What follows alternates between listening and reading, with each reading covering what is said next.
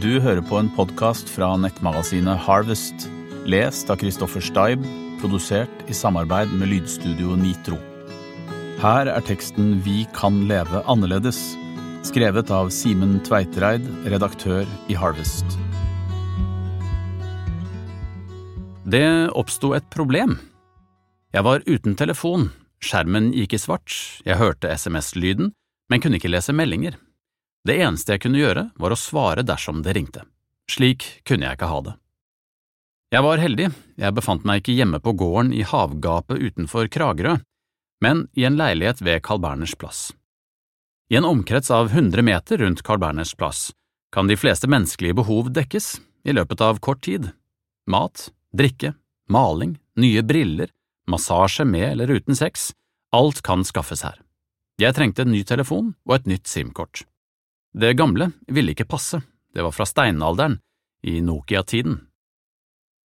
SIM-kort måtte bestilles fra min operatør, sa selgeren på Elkjøp. Det kunne ta en uke før det kom i posten. Hva? En uke? Hadde jeg vært hjemme på gården, måtte jeg ha ventet på at landpostbudet skulle dukke opp, mellom klokken tolv og to. En uke ville gå slik, mens meldinger tikket inn og folk lurte på hvorfor jeg aldri svarte. Eller, sa kvinnen på Elkjøp, det finnes en annen mulighet. Ringe Talkmore, få en hentekode mailet over, printe ut koden, hente nytt SIM-kort på 7-Eleven eller Narvesen. Ja vel. Hun lot meg låne telefon og PC, jeg printet ut hentekoden, tre minutter senere var jeg på 7-Eleven og fikk et SIM-kort. Fra 7-Eleven gikk jeg så 50 meter til Elkjøps hentelager, der min nye kinesiske Huawei lå og ventet men der sto fire andre i kø, så jeg gikk 20 meter og bestilte sushi til lunsj. Et brett med fersk laks, kveite, reke, det ville være klart sju minutter senere. Dersom jeg hadde vært hjemme på gården denne formiddagen og fått lyst på fersk fisk, så hadde min mulighet vært å starte opp båten og reise ut på sjøen. Det beste jeg kunne håpe på, ville vært en høstmakrell eller en lyr. Turen ville tatt en halv dag, og det ville heller ikke smakt like bra som brettet med sushi som jeg kunne se frem til om sju minutter. Minutter som jeg brukte til å hente ut min nye Huawei Honor P7, som jeg hadde et SIM-kort klart til. Jeg satte det inn i telefonen mens jeg spiste den første laksebiten av sushien, sittende inne på den trange kafeen på Carl Berners plass. Jeg hadde fått meg ny telefon og nytt SIM-kort og spist en god lunsj i løpet av kanskje 20 minutter, men jeg følte meg litt oppkavet jeg hadde ikke helt fått med meg hvordan sushien smakte, hadde spist den unødvendig raskt, innså jeg. Jeg hadde en deadline på en artikkel, men lå jo egentlig godt an. Kroppen var en smule anspent, helt unødvendig, jeg var ikke truet på noen måte, det var ingen god grunn til at kroppen skulle være i muskulær beredskap. Dette lå jeg og tenkte på da jeg slet med å sove den natten. Etter en litt for lang kveld foran Mac-en fordi ingen forstyrret meg i leiligheten på Carl Berners plass. Jeg får utrettet mye når jeg er der, men det er sjelden jeg sover godt. Mennesker sover mindre enn før, hevdes det. 20 prosent mindre enn for 100 år siden. Men det kan vel ikke være så farlig, for vi lever lengre. Vi har altså mange flere timer til rådighet enn våre forfedre, og jo lenger man lever, desto mer får man sett og gjort. Dette må vel være grunnen til at kritiske kommentarer om vår tid eller vårt samfunn ofte avfeies med at mennesker lever lengre enn vi gjorde før. Det som karakteriserer moderniteten mer enn noe annet, er økt tempo, akselerasjon, arbeid, reiser, kommunikasjon. Alt skjer uendelig mye raskere og mer effektivt enn før. Dette gir oss mer av alt. Du skal ikke slutte å jobbe i tide om kvelden, bare trene eller gjøre yoga etterpå. Du skal ikke kjøpe færre ting, men laste ned en app om hvordan rydde huset. Ikke bli hjemme hvis du kan reise. Prøv et hotell i trærne, prøv å sove i en iglo. Eller hva med Helsinki, har du ikke hørt at det er den nye matscenen? Etterpå kan du prøve den siste appen fra Den katolske kirke, der du kan skrifte dine synder. Du hører på en podkast fra Harvest, et nettmagasin om natur, mennesker og miljø. Gå inn på www.harvestmagasin.no hvis du ønsker å bli abonnent. Vekst er selve grunnprinsippet i vårt samfunn, garantien for trygghet. Uten vekst settes stabiliteten i fare, har økonomer lært oss. Men vekst er mer enn et økonomisk begrep. Vekstens logikk er internalisert i menneskene, i vår sjel, sier den tyske sosiologen og sosialfilosofen Hartmut Rosa. Vekst er den moderne religion. Vi føler oss skyldige om vi ikke henger med, og stadig forbedrer oss, mener han. Og ja, det er vanskelig å sitte ved peisen en førjulskveld og ikke gjøre noe som helst. Tid er penger, tid er sosial kapital, som alltid kan økes. Du skulle ha svart på en mail, du kunne ringt en venn, kanskje hilst på en ny nabo, lagt ut noe på Facebook. Tid er også kulturell kapital. Du burde ha lest en analyse av Trumps USA, eller kanskje den store amerikanske dikter Philip Roth, har du egentlig lest ham? Du burde bruke kroppen, trene. Å slappe av er også viktig. Ordentlig, såkalt dyp avslapning. Det finnes apper for sånt, eller reiser til India eller nye pusteteknikker. Men hvis vekstlogikken kun ga oss skyldfølelse, ville ikke kapitalismen ha overlevd som system, sier Hartmut Rosa. Systemet må også gi oss løfter om noe som virker attraktivt, det må svare på våre drømmer om et bedre liv. Penger gir muligheter. Det gir deg verden. Du kan fly til California i morgen, kjøpe jakken du har lyst på, en båt du har drømt om. Kunnskap gir muligheter, lære språk. Du kan snakke med flere i mange land. Få deg en god utdannelse, bli jurist, det åpner muligheter. Hvorfor vil folk bo i byer? Det er så mange flere muligheter. Smarttelefonens enorme suksess skyldes at den gjør hele verden tilgjengelig. Den gir oss verden i vår egen lomme. Kontakter, nyheter, musikk, kunnskap, kart, bank. Internett gjør mye i livet tilsynelatende enklere, men det gir oss ikke mer tid. Fordi det også fører med seg mer av alt. Vissheten om at mulighetene ligger ett tastetrykk unna, den pirrende følelsen av at adspredelser i tusen former ligger og venter. Hva skjer der ute nå? Og nå da? Altibox vil selge meg en ny, liten boks som skal forsterke signalene fra ruteren. Jeg har nettopp oppgradert kraften på nettlinjen, men det er visst liten vits uten wifi pluss. Helst bør jeg ha en slik i hver etasje i huset, skriver Altibox. For hele familien på nett samtidig krever mye av det trådløse nettet ditt. Mer-faktoren er også grunnen til at ny teknologi sjelden løser miljøproblemer. Selv om bilene blir mer miljøvennlige, går ikke utslippene ned, fordi vi kjøper flere biler og kjører lengre. På Gardermoen blandes nå 1% biodrivstoff i flybensinen, og det åpnes nye ruter til Miami, Addis Abeba og Singapore. Norwegian skryter av nye fly som bruker litt mindre bensin, og har planer om å doble trafikken på internasjonale ruter. Vi resirkulerer og bruker materialet til å utvikle flere produkter. Norske husholdningers forbruk har doblet seg de siste 20 årene. Importen av tekstiler har økt med 67% i samme periode. Da hjelper det ikke stort at nye vaskemaskiner krever mindre strøm, de brukes mer. Alt øker. Hele tiden. Vekstens logikk krever ikke bare mer fysisk energi, men også konstant mer av menneskenes psykologiske energi. Og slik naturens økosystemer har en tålegrense, der de ikke kan speedes opp uten skader, så kan heller ikke våre kropper og våre hoder tåle et konstant økt tempo eller utnyttelse. Resultatet er for mange før eller siden en form for ubalanse. Slik verden blir overopphetet, risikerer vi å bli utbrent. Få livsstilssykdommer og psykiske plager eller bare bli rastløse, miste konsentrasjonen, ikke klare å lese en lang bok. Kanskje gir smarttelefonen og penger deg verden i din lomme, men faren er at verden ikke snakker til deg lenger, sier sosiologen Hartmut Rosa. At verden er død og stille for deg. Hva mener han med det? Rosas viktigste begrep er resonans. Det betyr gjenklang, gjenlyd, eller i fysikken gjensidig svingning. Han bruker det som en metafor på vårt forhold til verden, til andre mennesker, natur, ting, kunst, ja, til oss selv.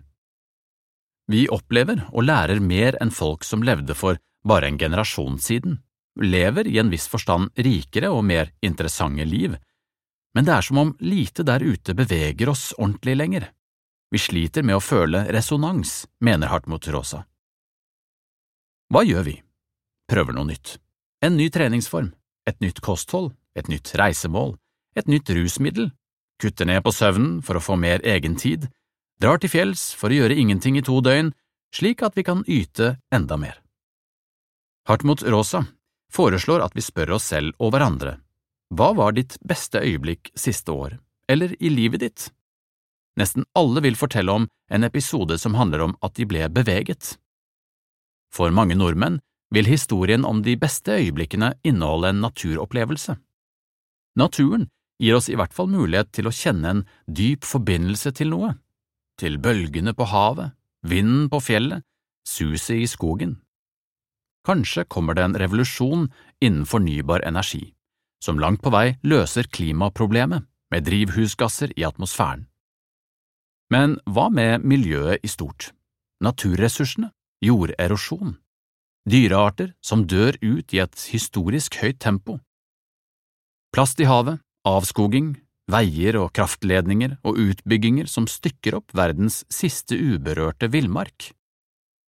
Vi hører ikke så mye om dette fra teknologioptimistene.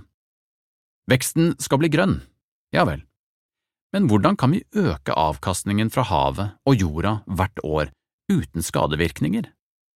Vi kan vedta 20% biodrivstoff, men kan vi få skogene til å vokse 20% fortere? Vi kan lage flere fiskefileter enda raskere, men kan vi produsere nok fisk uten at miljøet ødelegges? Men folk bryr seg ikke nok om dette. Artsutryddelse og plast i havet er trist, men lite relevant i vår hverdag.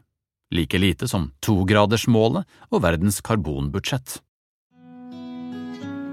Du hører på en podkast fra Harvest, et nettmagasin om natur, mennesker og miljø. Gå inn på www.harvestmagazine.no hvis du ønsker å bli abonnent. Jeg tror mennesker kan endre seg men ikke av hensyn til klimaet i fremtiden. Vi kan ikke få til endringer ved å si til folk at de må skjerpe seg eller gjøre mindre av noe. Grunnen er ikke bare at folk misliker dette. Grunnen er at folk ikke tenker på høyt forbruk, mange kjøttmåltider eller flyreiser som et problem i sitt eget liv. Hva er så problemene i manges liv akkurat nå? Hva er folk bekymret for? Stress?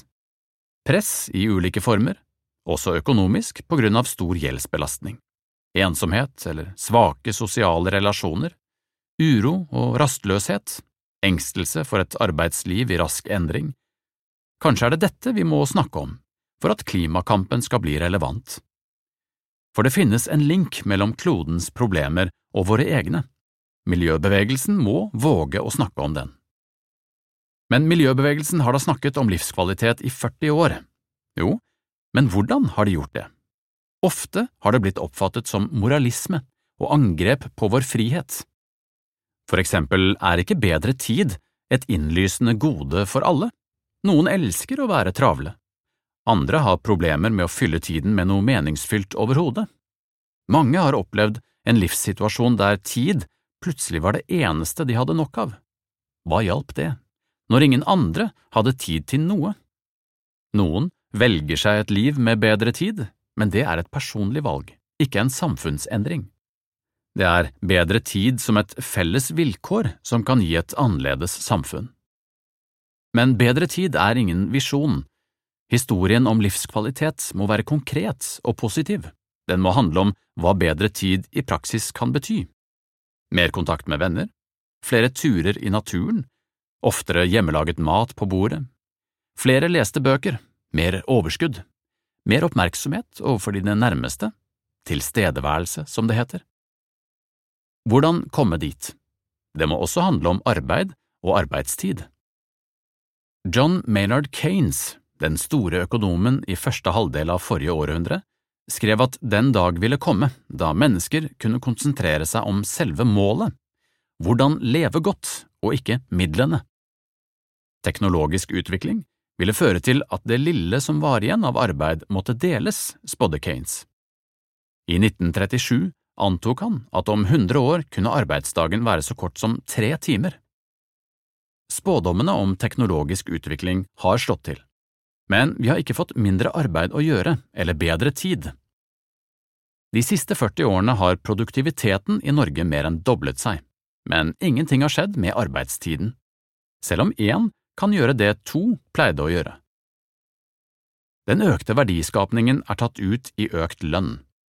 Reallønnsveksten i Norge de siste 15 årene har vært på drøyt 40 prosent, men kapitaleierne har fått enda mer. Det har blitt større forskjeller også i Norge. Undersøkelser i flere vestlige land har vist at et flertall ønsker seg mer tid fremfor høyere lønn. Men hvem vil gjøre noe med det? Arbeidet er mer enn økonomisk nødvendig, det er selve limet i vårt samfunn. Vi lever i arbeidssamfunnet, sier den svenske sosiologen Roland Paulsen. Arbeidet er den institusjon våre liv organiseres rundt, der mennesker treffes. De fleste politikere snakker mye om arbeidslinjen, at arbeid er det som skal redde oss etter oljen. De sier at vi må regne med å arbeide mer i fremtiden. Sjelden sier de noe om hva slags arbeid som trengs, hva vi må se å få gjort mer av. Nei, det er selve arbeidsplassene som er viktig, som skal generere verdiskapning og skatteinntekter til å finansiere velferden. Det er som om selve målet med politikken er å skaffe arbeidsplasser, ikke å skape et godt samfunn. Selvfølgelig er arbeid bra. Mye av arbeidet er helt nødvendig, noe trenger vi også mer av, slik som kreftforskning, eldreomsorg, undervisning. Og hvis det er for lite brød, er det bra med flere bakerier, bortsett fra at i dagens bakerier gjøres det meste av maskiner, så det gir ikke så mange jobber. I neste fase av den digitale revolusjonen er det ikke bare manuelle jobber i industrien som ryker. Kunstig intelligens vil ta over mange oppgaver vi før trengte et menneskes hjerne til å utføre. Men det burde jo være positivt, et nytt kapittel i fremskrittets historie, endelig mer fri fra arbeidets åk. Men nei. Vi har denne herlige evnen til å finne på nye ting, skape behov for nye varer og tjenester. Samme hva? Et nytt spin-off-produkt for Angry Birds, et nytt kosttilskudd, en grønnsakskutter, enda litt lettere tights å løpe i.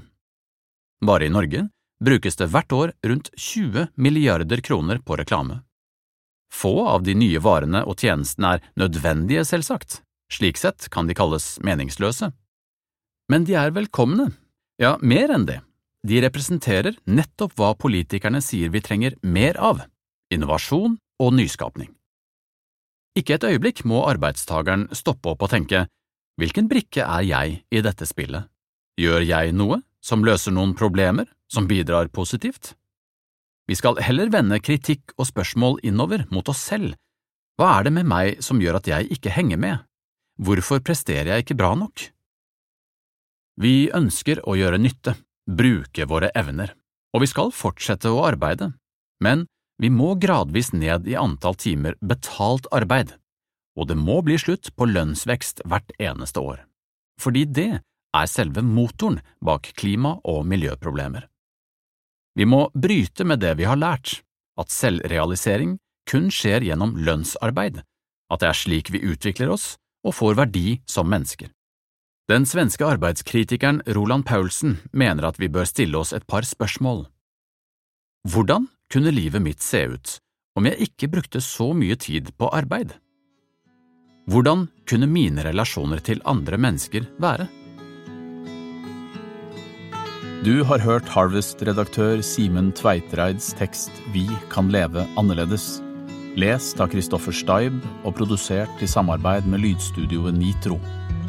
Harvest er et nettmagasin om natur, mennesker og miljø. Gå inn på www.harvestmagazine.no hvis du ønsker å bli abonnent.